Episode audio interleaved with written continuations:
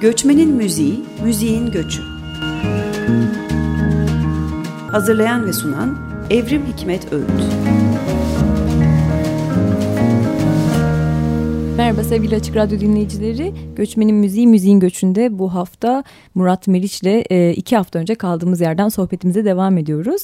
E, Türkiye'den Almanya'ya göçün e, özellikle Türkiye'deki ve Almanya'daki Türkçe sözlü popüler müzik üzerindeki etkilerini konuşuyoruz. Geçen hafta daha doğrusu iki hafta önceki son programda e, daha ziyade Türkiye'de yazılmış ve e, hatta kendisi de göçmen olmamış müzisyenler tarafından yazılmış şarkıları konuşmuştuk. Bugün de biraz peki Almanya'da neler oldu? E, şimdi kuşkusuz biz e, bu göçten bahsettiğimizde çok uzun bir süreci kapsayan bir e, dönemi konuşuyoruz. Yani 1960'ların hemen başından başlıyor.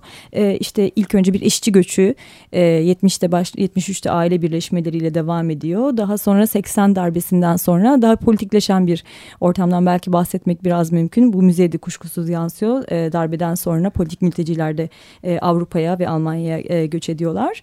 Ve tabii e, 80'lerin ortalarından itibaren de e, 90'lara hakim olan e, yeni bir e, dalga olarak da hip hop ve rap e, Almanya'da ortaya çıkacak ve daha sonra Türkiye'yi de etkileyecek. Bugün biraz bu üç dönemi belki birkaç örnek e, vererek e, onları konuşmaya e, çalışacağız çalışacağız. Tabii kuşkusuz yani Türkiye'de de Avrupa'da da Avrupalı ve Türkiye'li müzikologlar, etnomüzikologlar, araştırmacılar, işte iletişim bilimciler tarafından yazılmış çok sayıda e, çalışma var aslında. Bu tam da benzer e, konuları ele alan çok farklı boyutlarıyla Türkiye'den Almanya'ya göçü ve onun müzik üzerindeki etkisini tartışan çok sayıda yayın var. E, ciddi bir literatür oluştuğunu söyleyebilirim.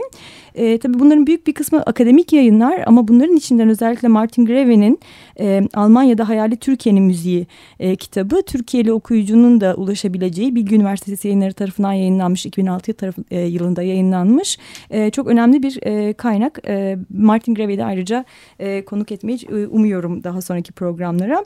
E, biz bugün tabii dediğim gibi bu dönemlendirmeyi çok hızlıca Hı hı. E, ve biraz mecburen e, mecburen, mecburen hızlıca e, ve böyle kuş bakışı e, konuşacağız. E, nasıl başlayalım? 1960'lardan 70'lerden ilk örneklerden e, kimleri söylemek e, gerekir sence? Aslında e, hani şimdi Almanya'ya geçtik artık sınırın diğer tarafındayız. Almanya'dan baktığımızda e, üç döneme üç müzik türü damgasını vuruyor. Birincisi e, halk ozanları çünkü ilk gidenler onlar oluyor ve sazını eline alan oradaki e, durumları Türkiye'ye anlatmak için bir çaba gösteriyor ve arda plaklarda plaklar yayınlanıyor o dönemde.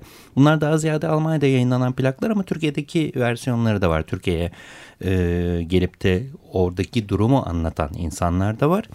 E, ikinci dönemde pop ve rock devreye giriyor. Bu biraz da 1980'de az önce senin bahsettiğin e, Türkiye'deki değişimden sonra e, ola gelen bir şey. Çünkü e, daha politik bir durum oluşuyor. E, burada artık müzik yapamaz hale gelenler Almanya'ya gidip e, hayatlarını orada mecburen sürdürmeyi e, sürdürmeye devam ediyorlar. Cem Karaca gibi, Şaner Yurda Tapan gibi e, ya da işte Ali Asker'den derdi yoklara uzanan başka insanlar gibi bunların bir kısmı Almanya, bir kısmı Fransa, bir kısmı başka ülkelere yerleşiyorlar ama neticede e, oradaki insanların müziğini başka türlü bir göç üzerinden anlatıyorlar.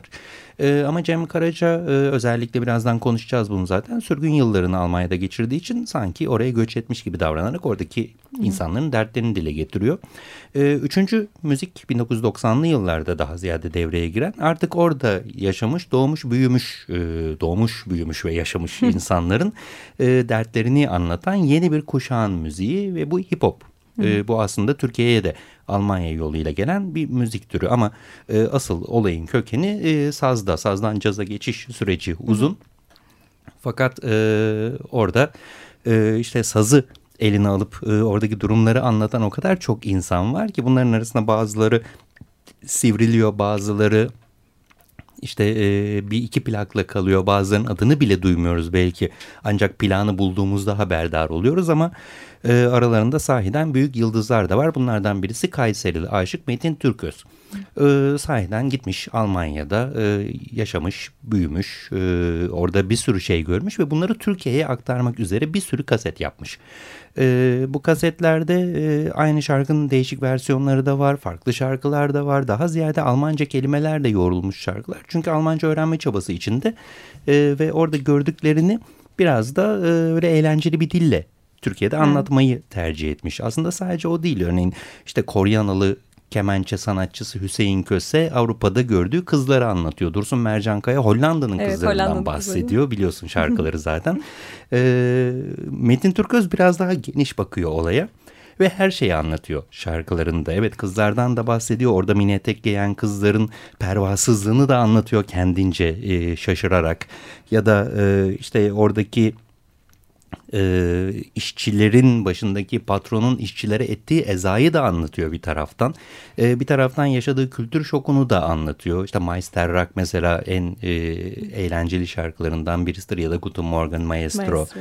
E, ama galiba e, hepsini özetleyen e, şarkısı Almanya'da neler var ki e, bir sürü versiyonu vardır. Böyle yıllar geçtikçe yeni şeyler ekleyerek e, yazmış bu şarkıyı. Ben plak üstündeki kaydını getirdim onu dinleyeceğiz. Avrupa'da neler vara dönmüş sonra diğer illeri ülkeleri gezince.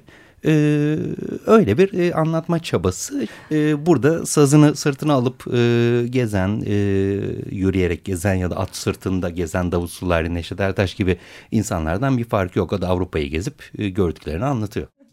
Enteresan Metin Türköz sahiden hani o dönemin en e, eğlenceli insanlarından birisi. Hani şimdi ne yapar ne eder yaşar mı yaşamaz mı hiçbir fikrim yok açıkçası. Ben şöyle bir şey okudum 70'lerin sonunda bırakıyor galiba müzik yapmayı. Evet, evet, Kasap bırakıyor. dükkanı falan açmış. Bırakıyor yani öyle bir, bir şeylerle ama, uğraşmış. E, hani e, sonrasında neler yaptı bir fikrimiz yok. E, bir taraftan izini sürmeyi çok istiyorum bir taraftan bir hayal kırıklığına uğramaktan da korkuyorum tabii e, neticede ama e, o dönemin e, sesini bize taşıyan aşıklar arasında en e, verimlilerden birisi. Almanya'da neler var zaten hani o yaptığı bütün plakların özeti niteliğinde zaten madde madde ilerliyor. Yani az önce dinlerken de e, söyledik birbirimize. E, böyle bir e, şey 1970'lerden e, o dönemden kalan bir tını. Çünkü 70'ler boyunca sadece halk ozanları orada işler yapıyorlar. 80'lerde dediğim gibi iş değişiyor e, ve özellikle Cem Karaca'nın gitmesiyle bambaşka bir hı hı. hale dönüyor. Cem Karaca orada gördüklerini anlatıyor. Tıpkı Metin Türköz gibi ama tabii farklı bir yerden bakıyor olaya ve Türkiye'li insanların, Türkiye'den giden insanların e, orada çektikleri üzerinden yaklaşıyor e, ve e, diğerlerinden farklı olarak hem Türkçe hem de Almanca anlatıyor. Yani aslında bir taraftan Türkiye'ye bunu anlatırken ki Türkiye'de e, albümlerinin yayınlanması yasak 1980 darbesinden sonra dolayısıyla sesini buraya ulaştıramıyor fakat oradaki insanların bu durum üzerine e, biraz daha e, başka şeyler düşünmesini sağlayacak şarkılar yapıyor. Hı. Bu şarkıların bir kısmı orada e, sahnede annesiyle birlikte oynadığı bir oyunun müzikleri Hı. aslında. Hı. Sonrasında e, dönemin en mühim e, plak şirketlerinden birisi olan Plane e, bir albüm olarak bunları Bu 1984'teki Almanca albüm o mudur? Almanca ha, albüm evet. evet e, Plane ki e, sahiden hani e, çok özel e, işlere imza atmıştır. E, bir taraftan Viktor Haradan Intilimani'ye dünyadaki devrimci sanatçıların sesini duyururken bir taraftan da Almanya'da e, pek çok e, çalışmanın öncüsü olmuş. E, ki Zülfü Livaneli e, filan gibi sanatçılarımızın da albümleri, Tülay German gibi sanatçıların da albümlerini onlar bastı.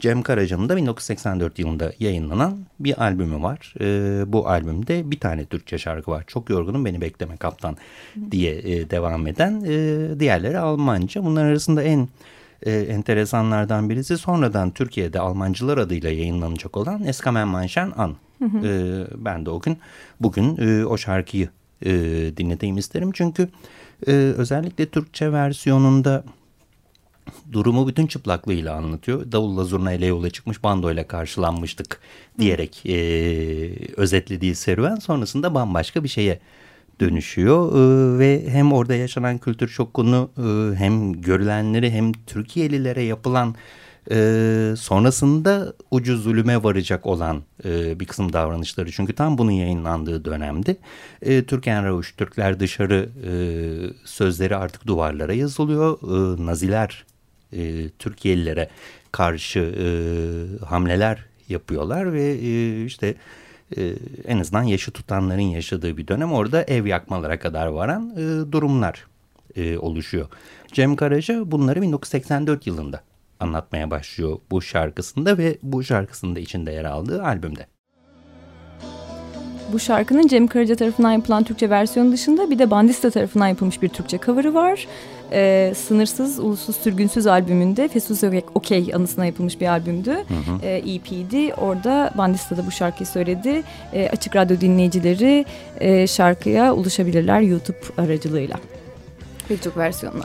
Evet evet kesinlikle. Ya, dinlediğim en güzel şarkılardan biridir bu. Hem Türkçe versiyon hem Almanca versiyonu sahiden durumu anlatır. Almanca versiyonunda e, Gastarbeiter şarkı kelimesini özellikle vurgular. O işçiler anlamına hmm, geliyor. Göçmen işçi. Göçmen işçiler. E, işte Türkiye'liler e, orada Gastarbeiter adıyla anılıyor. Cem Karaca'nın e, o dönem e, sahnede ona eşlik eden grubunun adı Die Kanaken.